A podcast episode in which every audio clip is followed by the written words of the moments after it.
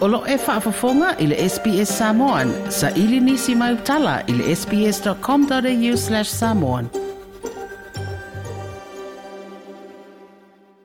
Dr. Katrina Lines, uh, welcome to the program. Oh, thank you for having me. Get Comfy, the sex education campaign in Australian schools. The report card doesn't look very impressive when your research has uh, shown that uh, close to 80% of people say that uh, the sex education they received at school did not really prepare them for real life experience. Tell us a bit about the research.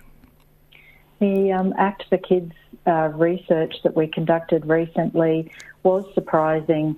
Um, as you say, a, a, lot of people didn't feel like the sex education they had at school um, prepared them. They felt we had about 41% say that they didn't have adequate um, sex education, and about 16% overall said that they felt pressured the first time they had sex and that was one in five women, so 22% of women, and one in 10 men.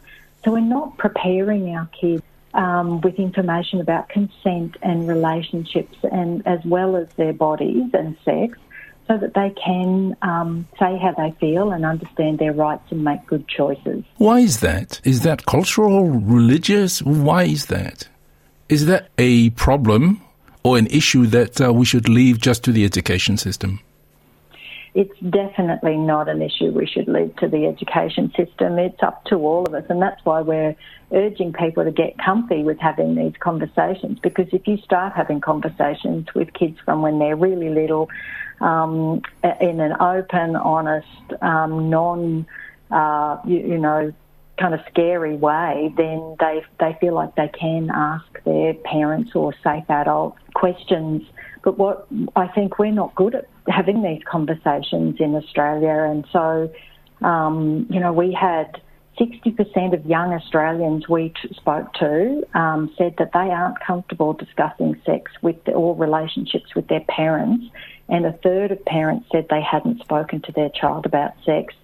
So we can't just leave that to, te- uh, to teachers. We have to think about our kids from a holistic perspective. And there's plenty of literature around. As a parent and as a Samoan, I've never discussed sex with my parents. In fact, it would have been a topic that would be taboo.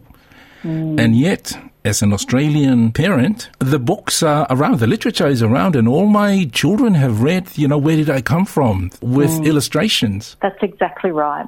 And so I think it can you can make the conversations culturally appropriate and have them from when kids are really little and it's as simple as using anatomically correct names for, for their body parts because you you know when you're bathing a baby you tell them what their toes are called and what their elbows are called. Um, so having, you know, using the correct words for body parts, explaining what you're doing, um, answering any questions they might have in an age appropriate way. And if you keep those open lines of communication like you have and share information, um, kids are more likely to come and talk to their parents and ask questions when they have worrying things come up. We know they're all looking at um, pornography online these days.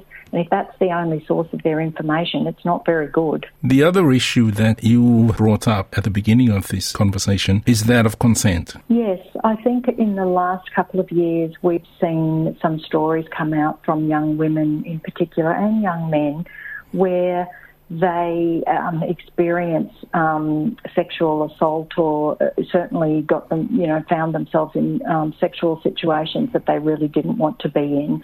And it started a conversation about consent. And we, um, you know, we're really interested in that at Act for Kids because we want children to feel safe and to get, be empowered with information, to feel safe but we, we found that only a fifth of adults learned about relationships and consent at school, um, despite, uh, you know, two thirds of them becoming sexually active when they were 18 years old or younger.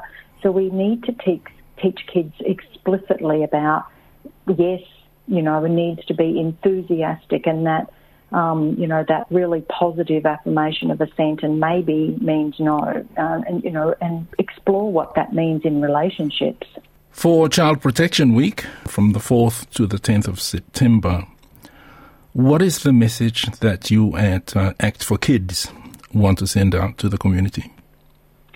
We want everybody in Australia to get comfy, um, and you know that's parents and carers and families talking about sex and bodies and relationships and consent with their kids.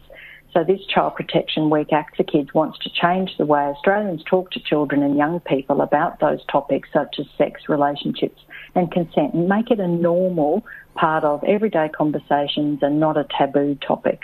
You're calling for an evidence-based sex education program in Australian schools. What does that involve? Well, there are lots of different uh, sex education programs in schools, um, and, and most of them are really good at teaching children about, um, you know, reproductive systems and safe sex and sexually transmitted um, diseases, but they don't really address consent and your rights and and relationships and, and a, a, range of things that we know are really important. And so we're looking for the government to governments in each state and in um, federally to mandate a set of core things that are evidence based that aren't just about uh, you know biology. It's about um, healthy relationships, respect, and an open discussion about their rights. Is that what it comes down to? Absolutely, absolutely. And the more information we can give kids, we empower them. Um, they, they, they don't have to feel pressure um, when it comes to sex and relationships. They understand their rights and they can make really healthy choices. Dr. Katrina Lines from Act for Kids. Thank you very much for your time. Thank you. Like, share, mafaali sa so ufinangalo, muli muli ile SBS Samoan ile Facebook.